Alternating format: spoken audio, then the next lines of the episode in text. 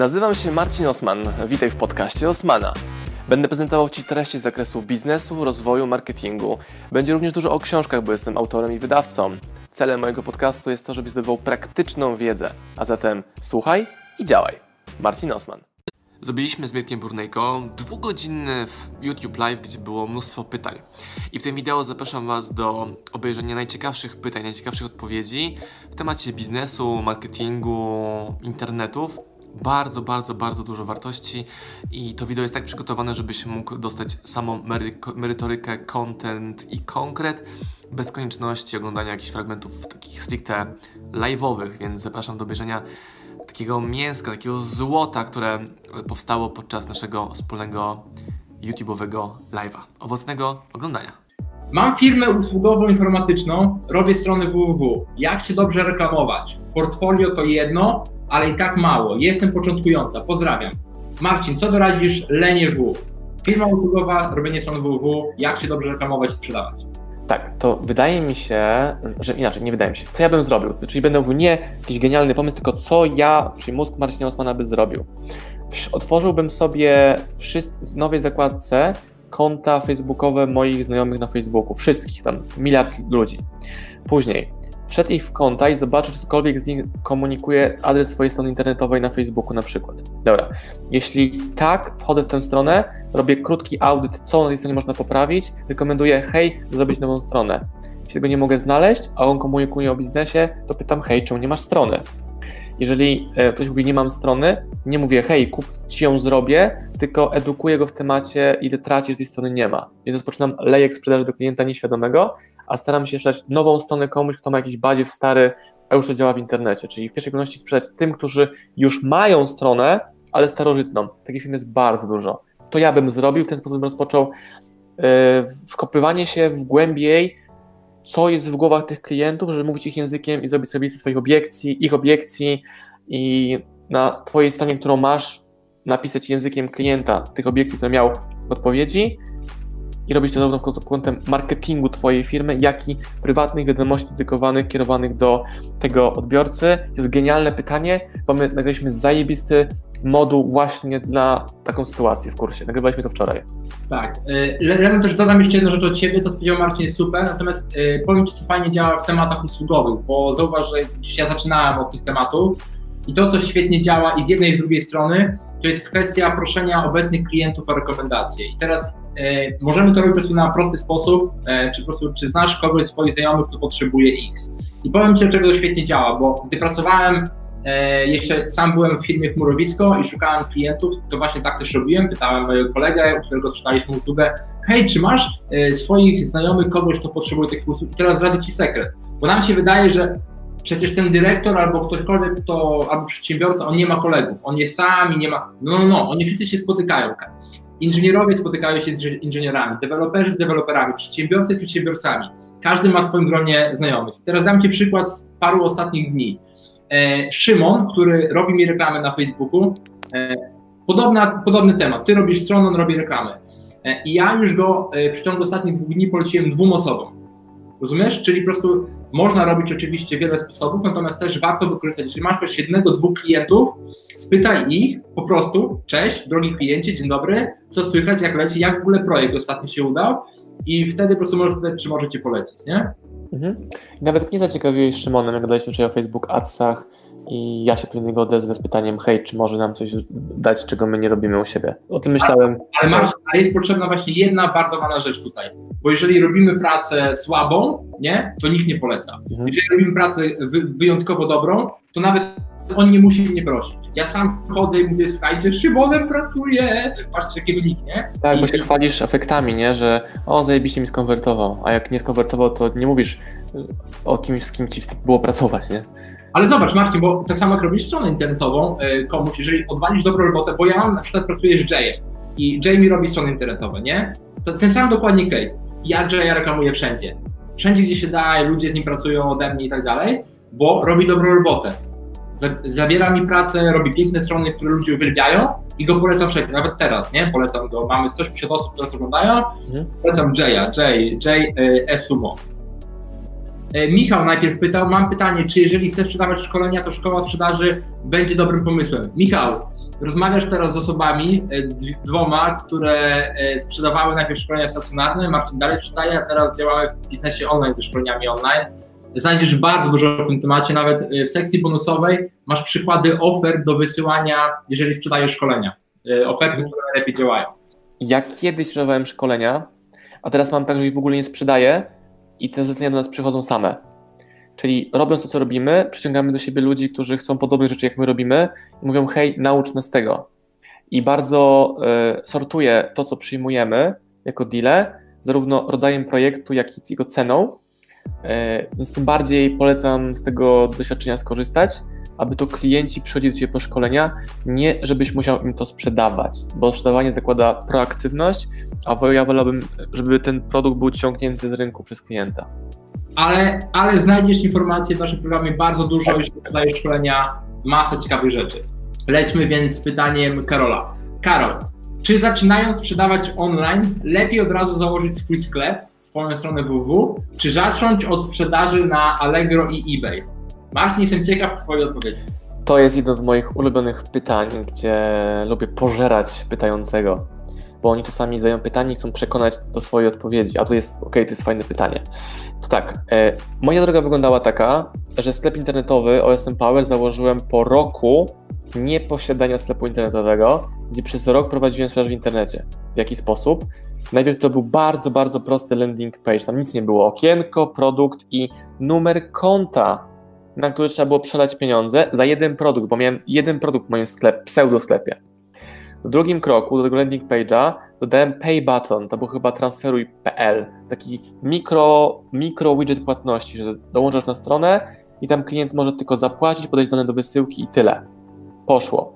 W trzecim kroku zrobiłem pakiety tego samego produktu, jedna sztuka, dwie, trzy, tym samym landingu i dopiero po roku założyłem sklep internetowy. A jeszcze przed tym landingiem to była sprzedaż bezpośrednia po prywatnych wiadomościach, telefonami i na przykład na eventach, gdzie klient dawał cash, nie trzeba było w ogóle tych transferów robić. Więc tutaj masz taki e, przyspieszony e, kurs hustlingu i sklep internetowy możesz zrobić dopiero wtedy, jak, uwaga, jak zarobiłeś na założenie jego sprzedażą produktów, które chcesz w tym sklepie sprzedawać. Jak robisz odwrotnie, to jest większe ryzyko, że ci nie wyjdzie, bo skupiasz się na robieniu strony, la, la, a najpierw sprzedaż. Sprzedaży. Genialna odpowiedź. Mogę się odkazać, Paweł. Nie, ciężko dodać coś innego, bo znaczy, e, już jeżeli miałbym wybierać z tych opcji, które dajesz, to oczywiście najpierw bym wszedł tam, gdzie są klienci, czyli Allegro i eBay, natomiast, bo tam już masz darmowy cały element sprzedaży. Natomiast e, Allegro eBay ma jeden duży problem, nie? który po prostu polega na tym, że E, to Allegro eBay jest bazą klientów. To, gdy mamy na przykład swoją prostą stronę sprzedażową albo komunikujemy się jeden do jednego z klientem, pozwala nam budować naszą listę mailową, co potem owocuje długoterminowo bardzo. Nie? Natomiast nie wpadnij w pułapkę robienia zbyt pięknych rzeczy, bo widziałem wiele już projektów, gdzie na przykład dam e, przykład z innego kierunku, nie? Kursy online. Teraz wiele osób na przykład wpada w taki temat, że ok, robię kurs online na temat na przykład E, programowania albo na, te, na, na temat, e, załóżmy, jak kupić do, tanie samochód, nie? Coś w tym stylu. I teraz ludzie zaczynają budować strony, zaczynają się skupić, że strona dokładna i tak dalej, i mija pół roku, nie mają ani złotówki, mają wydane na przykład 4000 złotych na budowę tego. I teraz najtrudniejsza rzecz, chyba, że już masz sprzedaż, nie? I ta sprzedaż idzie. Jeżeli nie masz tej sprzedaży, skąd wiesz, że ta sprzedaż będzie? Możliwe, że wypuścisz na rynek piękną rzecz i nagle klienci powiedzą, fajne, na razie. I co wtedy, nie? Więc jeżeli na początku skupisz się na tym, żeby sprzedawać, a potem y, budować całą piękność dookoła tego, to idzie to inaczej, nie? Jesteś bardzo dużym optymistem, Mirek, mówiąc, że klient wydał, że wydał y, sprzedawca 4000 na sklep internetowy. Ja spotykam się z ludźmi, którzy wydali na przykład 25 tysięcy na zrobienie sklepu internetowego w agencji interaktywnej, a nie taki boxowy e-commerce. Mają magazyn y, stoku za kilkadziesiąt tysięcy, jakieś kosmetyki, mydła czy ciuchy i mają przed sześć transakcji. I, i, i mnie, mózg rozwala, nie, wtedy. Ale oni myśleli, że tak właśnie trzeba robić. I to jest, nie wiem skąd ten mechanizm, ten, ten taki scenariusz się wziął, że wszyscy go ponawiają, że, że tak powinno to wyglądać i że innowacją jest to, jak mówię, ej, ale to chyba odwrotnie powinno być, nie? że najpierw klient, później towar. No ale jak mam klientowi sprzedać coś, skoro nie mam towaru? No ale dzisiaj towar dostajesz 24 godziny tak. nie masz w magazynie. Świetne słowa. E, Karol, mam nadzieję, że Ci pomogliśmy troszeczkę, natomiast e, już jak masz wybierać, to wybierz Allegro eBay, dopiero z czasem buduj za zarobione pieniądze swój sklep. Grzegorz Jasienowicz troszeczkę z ciekawej branży, bo Grzegorz Jasienowicz, cześć, branża ślubna. Marcin, znasz branżę ślubną?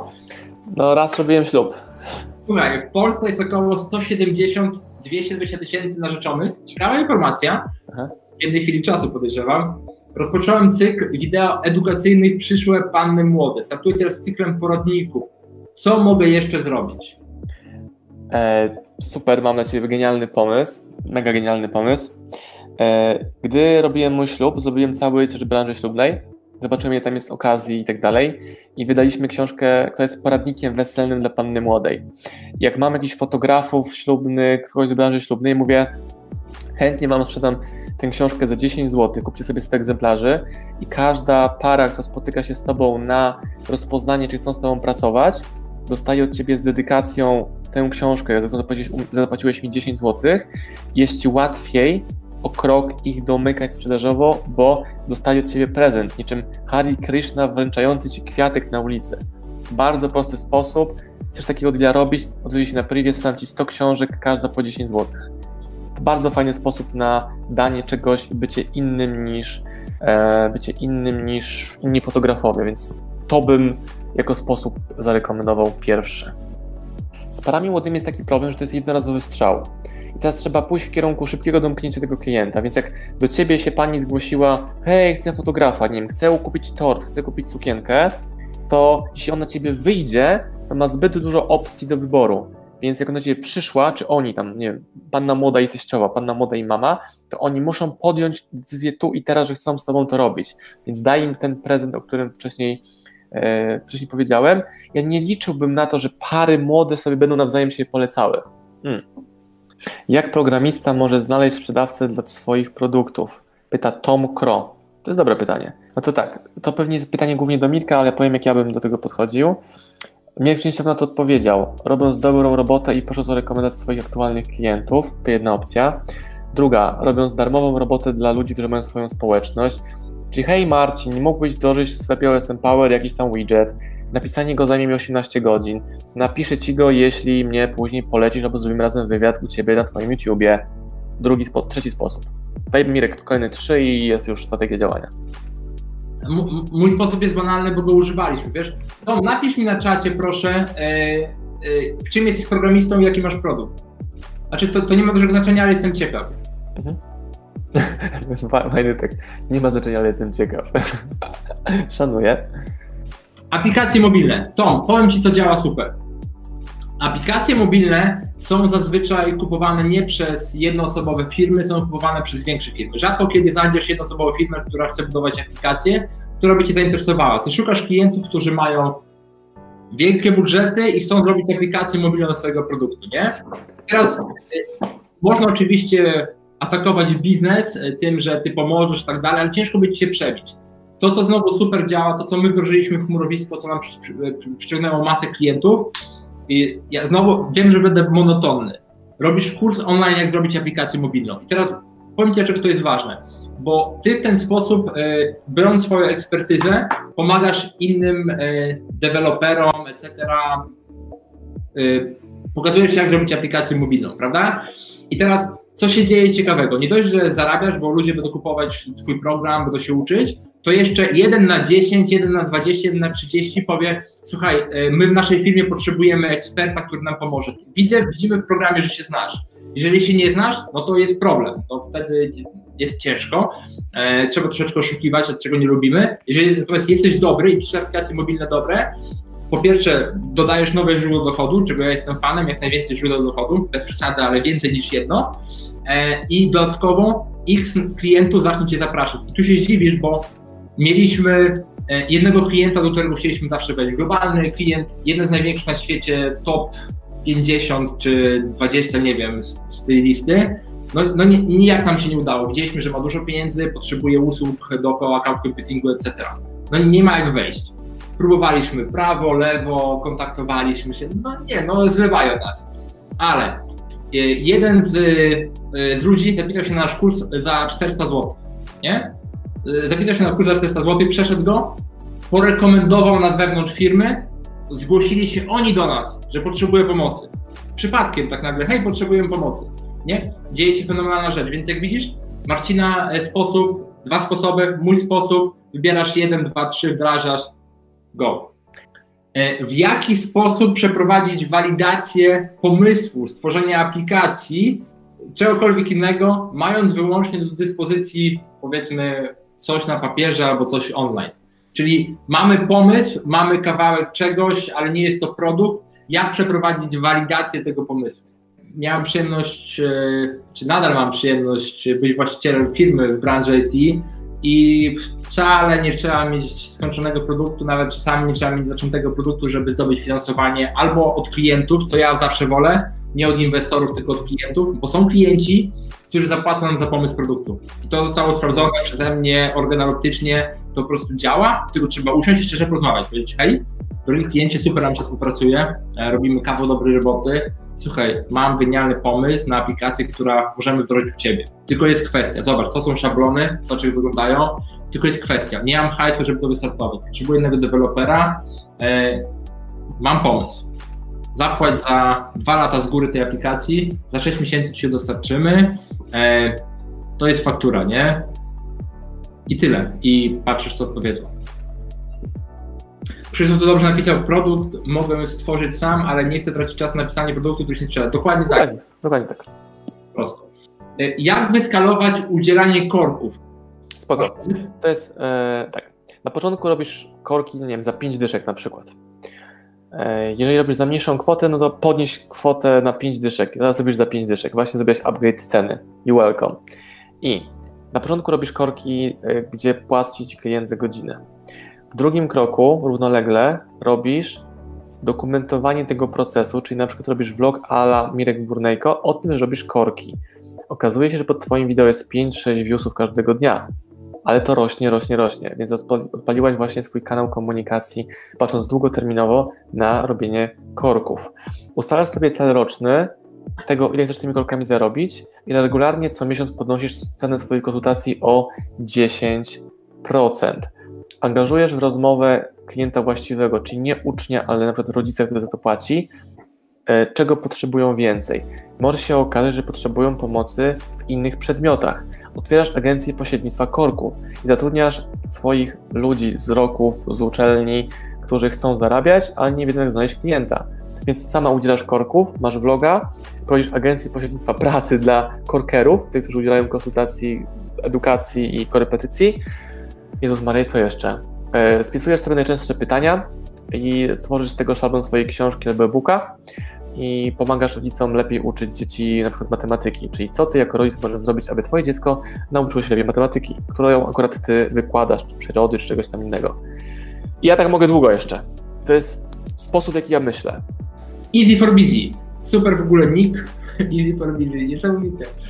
E, Chciałem zadać pytanie, czy jak macie dużo zadań do wykonania, to odczuwacie czasem przemęczenie, które demotywuje Was do wykonania swoich celów?